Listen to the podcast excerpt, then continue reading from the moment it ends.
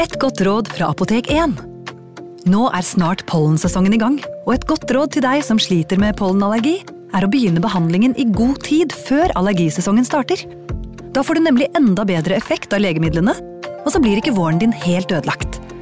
Kom innom og få råd på ditt nærmeste Apotek 1, eller chat med oss på apotek1.no. Apotek 1 vår kunnskap, din trygghet.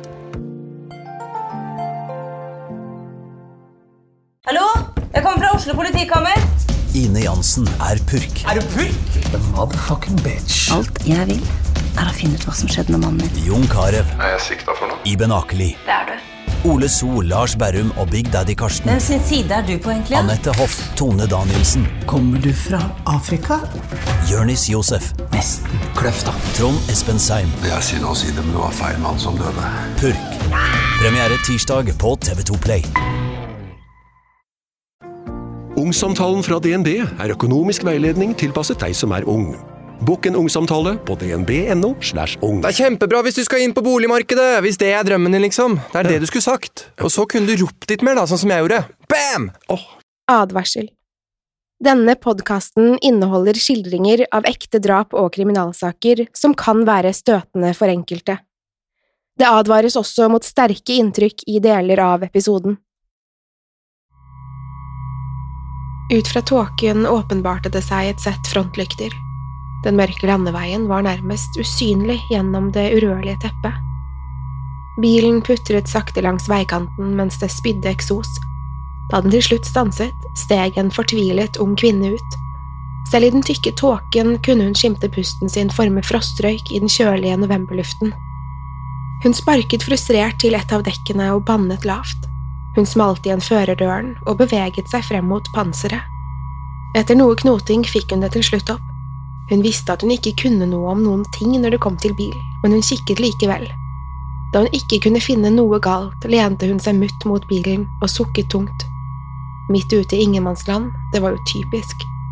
Hun kunne ikke huske å ha sett noen bensinstasjon eller et verksted på strekningen. Hun hadde i hvert fall ikke tenkt til å gå noe sted nå.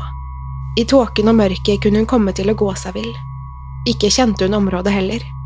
Etter å ha sittet slik i noen minutter, reiste hun seg og gikk mot førerdøren.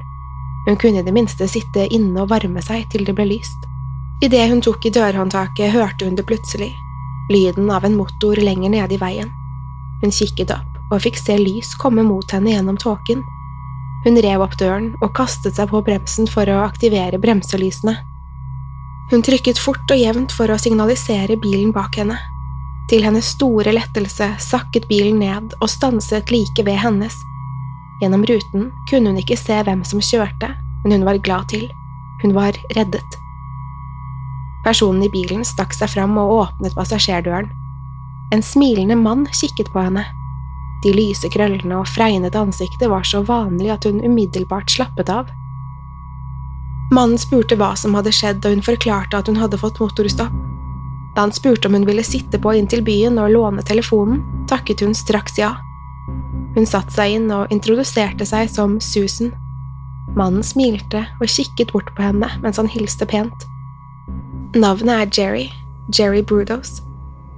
De kjørte inn i tåken og lot Susans bil stå igjen.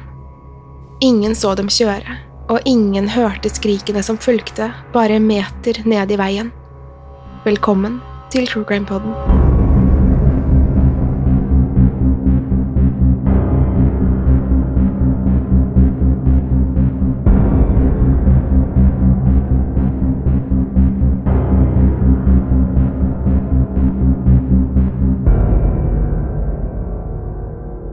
Jerome Henry Brudos ble født 31. januar 1939 i Webster, South Dakota. Moren Eileen og faren Henry hadde blitt overrasket da Eileen plutselig var blitt gravid. Paret hadde allerede en sønn, Larry, og da det ble bekreftet at det skulle bli et barn til, håpet Eileen at hun skulle få en jente. Hun ventet og gledet seg lenge. Det føltes som en jente, det sa hun ofte til Henry. Men da barnet kom, viste det seg å være en gutt, og Eileen klarte ikke å skjule skuffelsen. Barnet fikk kallenavnet Jerry, og familien beholdt ham, men Eileen klarte aldri å glemme skuffelsen. Dette skulle gå hardest ut over lille Jerry, og han ble behandlet dårlig. Mye dårligere enn Larry, som var favorittbarnet. Jerry ble aldri priset for sine bragder, mens Larry ble applaudert for hvert minste framskritt. Da Jerry ble født, bodde familien på en gård i Webster. Den hadde vært en god og stabil inntektskilde i alle år, men da andre verdenskrig brøt ut, ble alt snudd på hodet. Gården var ikke lenger noen lønnsom bedrift, og familien bestemte seg for å flytte da Jerry var ett år gammel. Ferden gikk da til Salem i Oregon. Her var planen at Eileen skulle være hjemme med barna mens Henry arbeidet. Men det var ingen enkel oppgave å sikre seg arbeid. Henry holdt sjelden på en jobb i mer enn noen måneder på grunn av hans voldsomme temperament. Han kunne ofte brake sammen med medarbeidere og sjefer over den minste uenighet. Da Henry stadig var ute på arbeidet, eller på jakt etter arbeidet, ble Jerry gående hjemme alene med sin mor og bror. Da moren fremdeles behandlet han dårlig, tilbrakte han mye tid for seg selv ute i nabolaget. Jerry hadde én plass han likte spesielt godt, en gammel avfallsplass. Her kunne han vandre i timevis og kikke på alt det rare folk hadde kvittet seg med. Det hendte også at han tok med seg noe av det hjem, hvis han syntes de var spesielt fine. Dette var skattene hans, og han oppbevarte dem i en liten skoeske under sengen. En dag da Jerry var fem år gammel, fant han et par gamle, slitte damesko med stiletthæl. Skoene var i ekte skinn og var innsatt med pyntestener i flotte farger. Jerry ble veldig fascinert av funnet og satt og stirret på dem lenge. Han bestemte seg for at disse ville han ha i samlingen sin, og tok dem med seg hjem. Da Jerry nådde huset, ble han møtt av moren i døren. Da hun fikk se skoene, ble hun rasende og lurte på hva i alle dager Jerry skulle med dem. Eileen var en religiøs og konservativ kvinne og gikk aldri i korte skjørt eller høye sko. Hun mente dette var en uting som kun uanstendige kvinner gikk i. Da Jerry hadde fått huden full av kjeft, glefset hun at han vær så god kunne ta skoene med tilbake til avfallsplassen. Fortvilet og lei seg stubbet Jerry tilbake. Han kunne ikke skjønne at det kunne være så galt, han ville jo bare kikke på dem og leke med dem. Han stirret på de flotte skoene, før han bestemte seg for å forsøke å snike dem inn i huset likevel. Med skoene under skjorten listet han seg opp trappen og inn på værelset sitt. Her fortet han seg å stappe dem under sengen. De neste dagene tok Jerry skoene frem med jevne mellomrom. Han tok dem ofte på seg og spankulerte rundt på soverommet, men som regel kikket han bare på dem.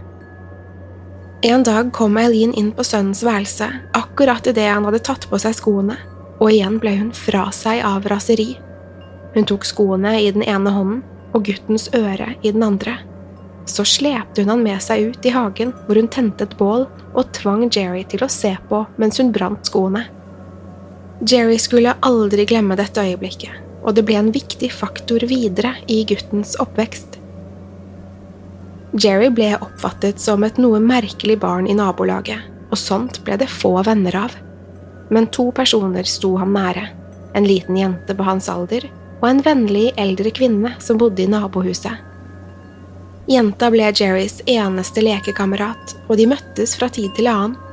Nabokvinnen hadde sett at Jerry gikk mye for seg selv, og hun hadde også hørt hvordan han ble behandlet hjemme. Hun bestemte seg derfor for å holde et ekstra øye med gutten og inviterte ham ofte hjem til seg.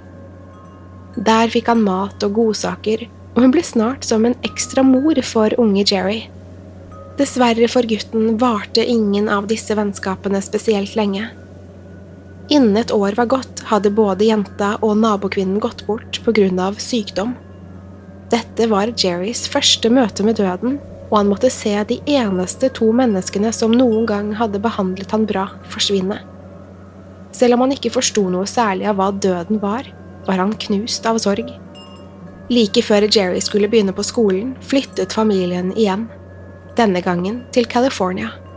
Plutselig var Jerry omringet av flotte, sofistikerte kvinner i vakre antrekk. Han kikket på dem når de gikk forbi, men særlig på de høyhælte skoene deres Jerrys kontaktlærer på den nye skolen var også en flott ung dame. Også hun gikk i høyhælte sko. Hun pleide å ta dem av seg og sette dem under kateteret mens hun underviste, og dette la Jerry merke til. En dag da barna hadde friminutt, snek han seg bort til kateteret og begynte å leke med de flotte skoene. Da friminuttet var over, bestemte han seg for å gjemme dem slik at han kunne ta dem med seg hjem. Dette ble snart oppdaget da læreren trengte skoene etter timen. Hele klassen ble satt i sving for å finne dem, og de ble til slutt funnet i Jerrys ransel. Selv om Jerry ikke ble straffet for det, var det en flau og nedverdigende situasjon som skulle sitte i ham lang tid etter hendelsen. Jerry hadde på mange måter en tøff oppvekst, men det nådde en ny topp da han ikke klarte å fullføre andre klasse. Jerry led av flere sykdommer som forhindret ham i å møte på skolen. Verst av disse var sterke migrener som påvirket synet hans og gjorde det umulig å konsentrere seg. Jerry ble hengende etter i undervisningen, og det var lite som ble gjort for å sørge for at gutten fikk en fullverdig oppfølging. Frustrasjonen over dette, samt morens konstante mobbing av ham, førte etter hvert til at han i tenårene utviklet voldelige, seksuelle fantasier. Snart begynte han å forfølge kvinner om natten, og han kunne ofte stå på gatehjørner og stirre på intetanende jenter. Snart gikk disse forfølgelsene også over i overfall. Han kunne forsøke å slå eller kvele tilfeldige kvinner på gaten i svime, for å så stjele klærne og skoene deres. Fascinasjonen hans for dameklær, og spesielt sko, fortsatte bare å vokse, og han samlet på alt han stjal. Disse overfallene slapp han unna med, helt til en gang da han var blitt 17 år gammel. Etter å ha møtt en tenåringsjente ute på kveldstid, hadde han truet henne med seg i bilen sin. Med en kniv i hånden hadde han kjørt dem til en forlatt gård, like utenfor byen. Her førte han henne inn og holdt kniven mot strupen hennes mens han tvang henne til å kle seg naken. Så fotograferte han henne mens hun måtte posere i dristige positurer. Etterpå kneblet og bandt han jenta til en stol før han begynte å slå henne. Et ektepar som var ute på kveldstur i området, hørte spetakkelet fra gården og løp til. Da de fant Jerry og jenta, forsøkte Jerry å overbevise dem at han også nettopp var kommet dit og hadde funnet henne slik. Ekteparet kontaktet straks politiet, som ikke trodde et sekund på Jerrys forklaring. Han ble arrestert, og politiet gjennomsøkte guttens soverom i morens hus. Her fant de alle klærne og skoene Jerry hadde stjålet opp gjennom årene, samt flere fotografier av livredde kvinner. Da Jerry fremdeles var veldig ung, ble det bestemt at han skulle tvangsinnlegges ved en psykiatrisk anstalt. Det var tydelig at han hadde en besettelse, om ikke mani, for kvinneklær, og det ble sett på som en psykisk lidelse som kanskje kunne kureres. Ved klinikken anslo psykiatere at Jerrys utagering trolig hadde røtter i et sterkt hat for moren og kvinner generelt. I ni måneder var Jerry innlagt, og han fikk til slutt diagnosen schizofreni. Det var ikke uvanlig å gi denne diagnosen om psykiaterne ikke klarte å fastsette helt konkret hva som var i veien med en pasient. Dette førte til at pasienten som regel fikk feil medisiner og oppfølging. Da han i 1957 fullførte videregående skole, bestemte Jerry seg for å melde seg til Forsvaret, men den kriminelle bakgrunnen og medisinske historien hans kom snart i veien. Da han ble irettesatt for dårlig oppførsel, ble det hele rullet opp og Jerry ble sendt rett ut igjen. Han fikk seg så en jobb som elektronikktekniker, og i 1961 møtte han 17 år gamle Darcy Metzler, de var snart gift og flyttet tilbake til Salem, hvor de levde et tilsynelatende lykkelig liv sammen. Samtidig fortsatte Jerry å utforske de fetisjistiske fantasiene sine. Han kunne ofte snike seg inn i ukjentes hus midt på natten, hvor han stjal klær og sko fra kvinnene som bodde der. Det var også på denne tiden Jerrys migrener begynte å bli verre. De ble så ille at alt gikk i svart for han, og han husket sjelden hva han hadde gjort. Mens de fleste ville foretrukket smertestillende medisiner og søvn ved slike anfall, hadde Jerry en ganske annen kur når migrenene var som verst. Han vandret hvileløst omkring i nabolaget, forfulgte intetanende kvinner og brøt seg inn i hus. Med alle klærne og skoene han hadde stjålet, hadde han snart en omfattende samling. Han likte godt å prøve klærne på, og han utviklet snart en transvetisisme, en alternativ personlighet. Det var noe han gjorde kun for seg selv, og kjelleren ble hans fristed. Her hadde han strenge regler, og Darcy fikk ikke komme ned først uten å annonsere sin ankomst via et calling-anlegg. Til tross for at Jerry og Darcys ekteskap virket lykkelig fra utsiden, var sannheten en ganske annen. Jerry var veldig kontrollerende og hadde klare grenser for hva Darcy fikk lov til å gjøre. Hun fikk ikke forlate huset uten hans samtykke og måtte alltid gå i høye hæler, også inne i hjemmet. Jerry tvang henne også ofte til å gjøre husarbeid helt naken, bortsett fra skoene. Mens hun støvsugde eller tok oppvasken, fotograferte Jerry henne. I 1967 hadde Jerry opplevd en av sine sterke migreneanfall, og som vanlig gikk han ut og vandret i den kjølige kveldsluften.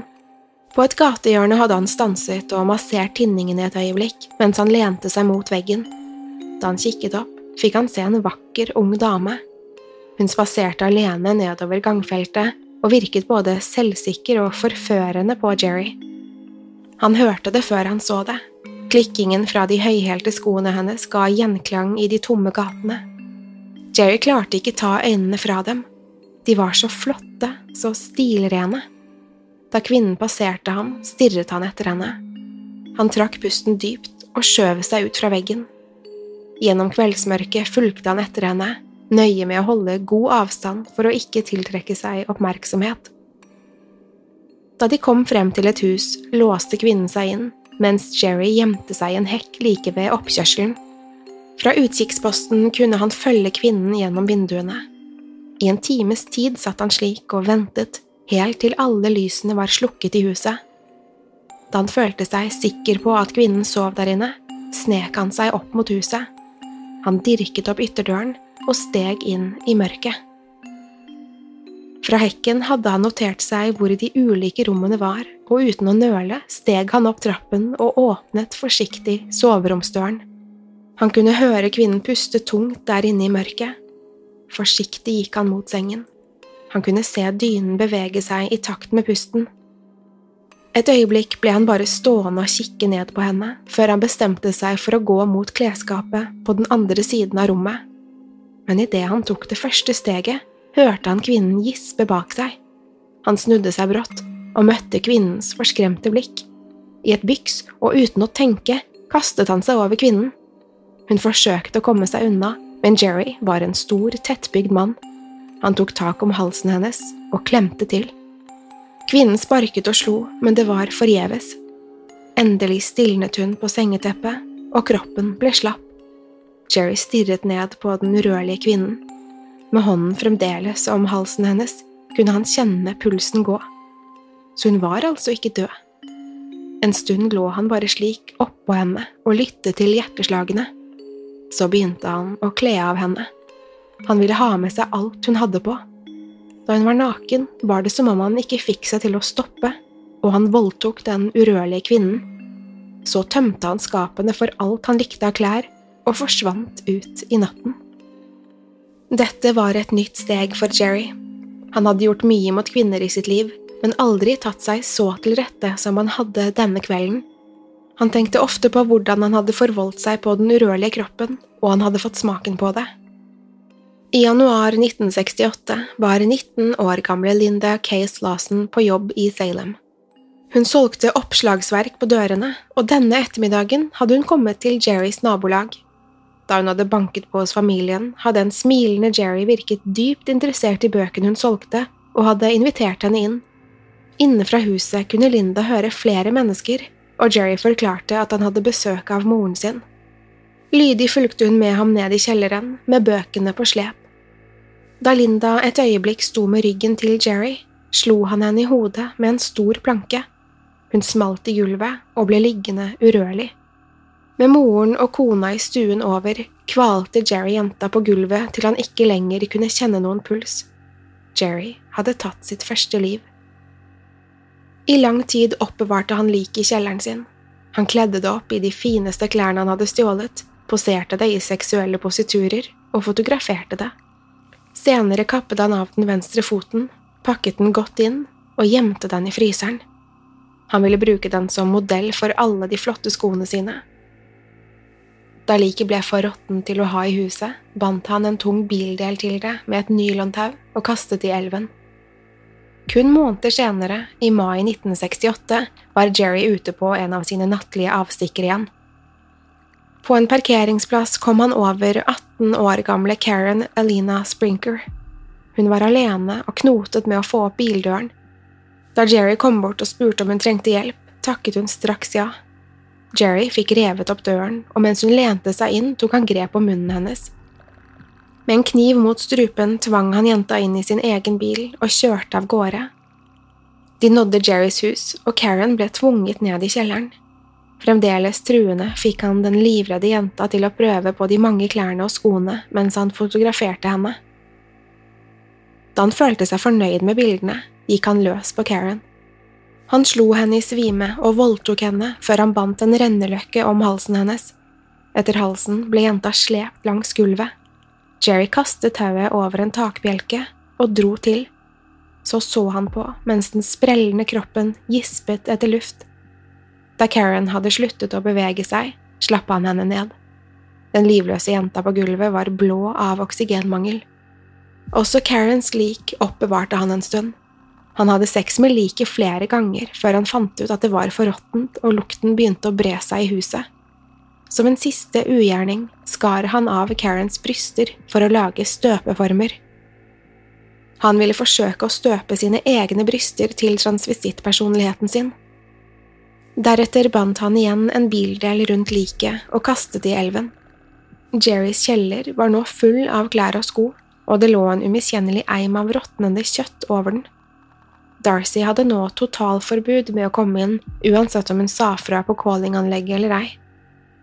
Linda Slawsons venstre fot sto stadig oftere fremme på en hylle og modellerte de vakreste høyhælte sko. Og Jerry selv tilbrakte mer og mer tid der nede.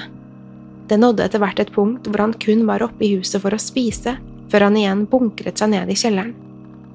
Da Jan Susan Whitneys lik ble slept ned trappene om natten 26. november 1968, lå resten av husstanden i sin dypeste søvn.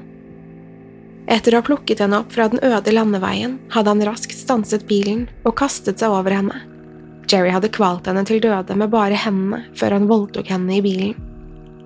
Vel nede i kjelleren hadde hun fått den samme behandlingen som de andre jentene. Da også Susans lik begynte å råtne og lukten spredte seg, ble det dumpet i elven. Sammen med liket forsvant også Linda Slåsens fot, som var råtnet fra all tiden den var utslitt.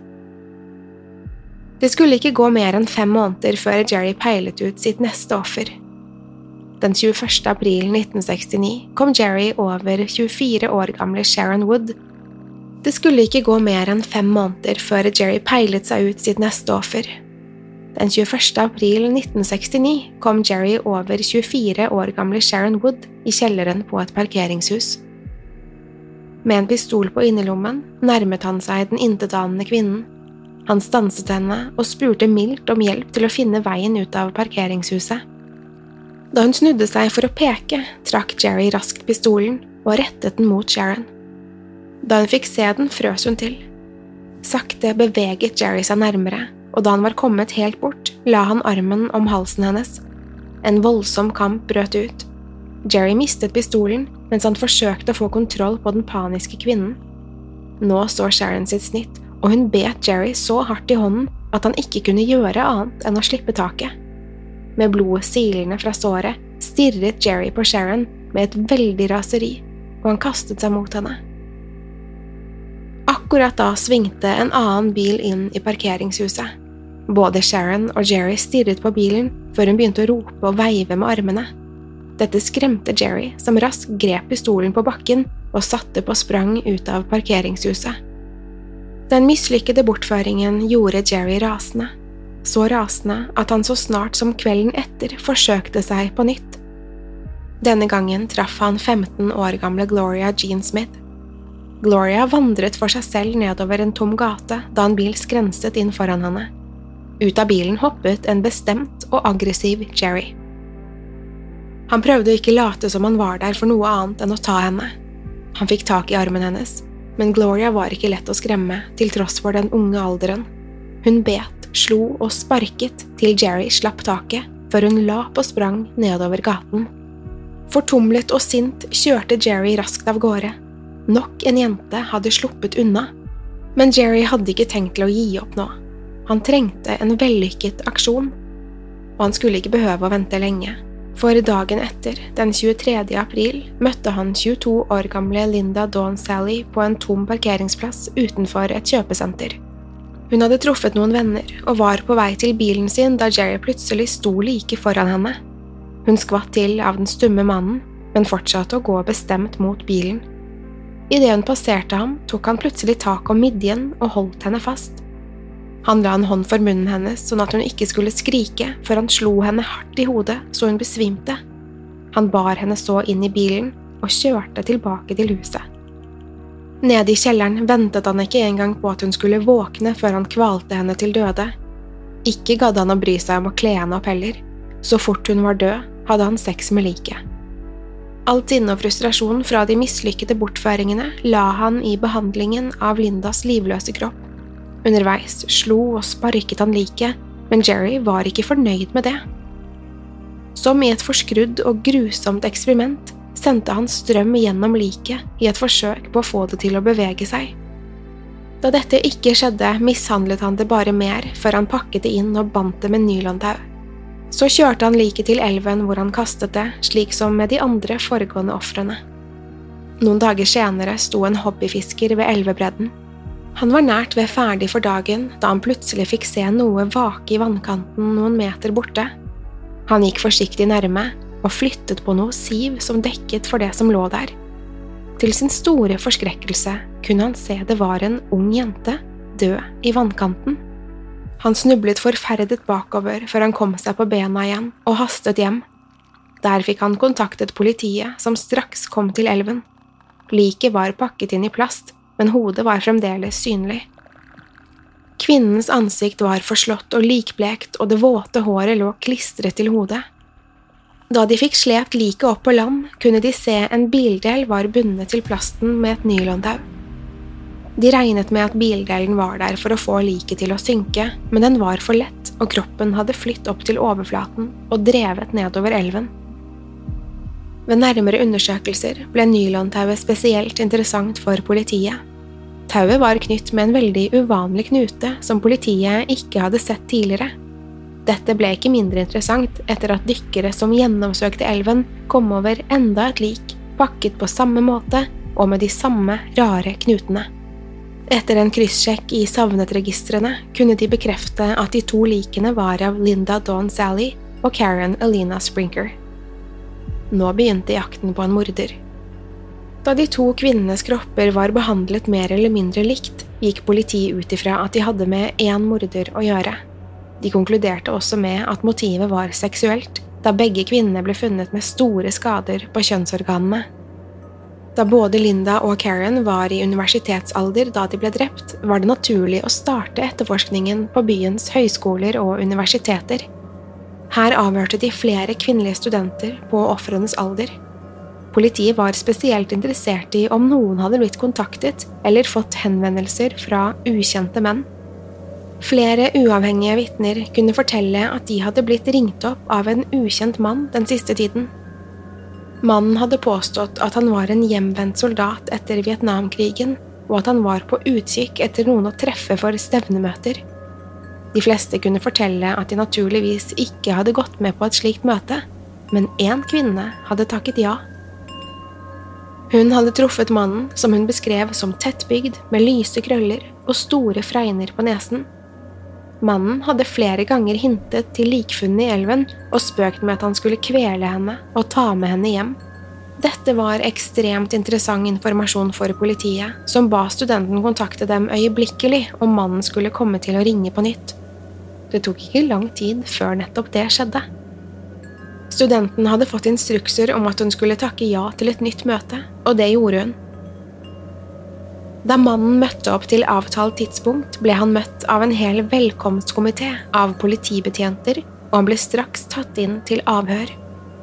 Mannens navn var Jerry Brudos. I de første avhørene ga Jerry politiet mye feilinformasjon, blant annet falsk adresse, noe som bare gjorde mistankene til Jerry større.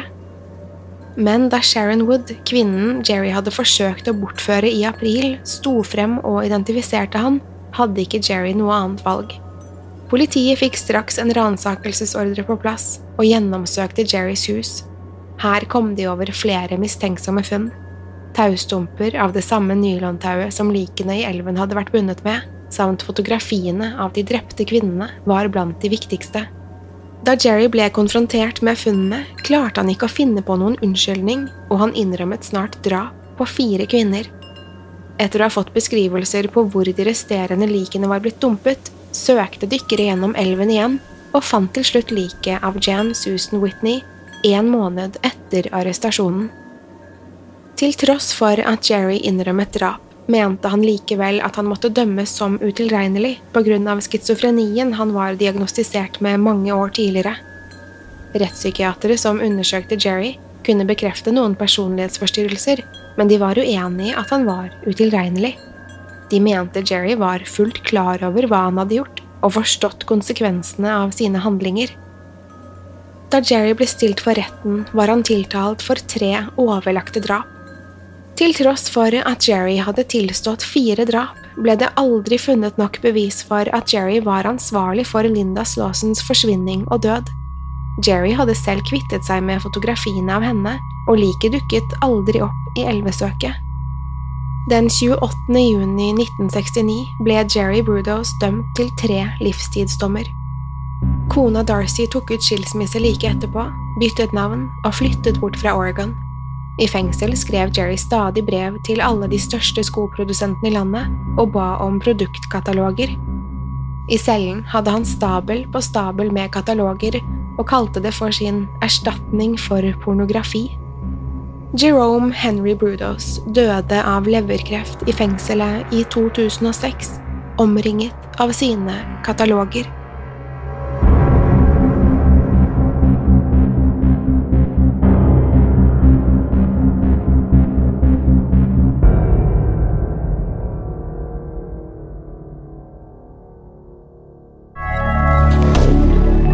Media.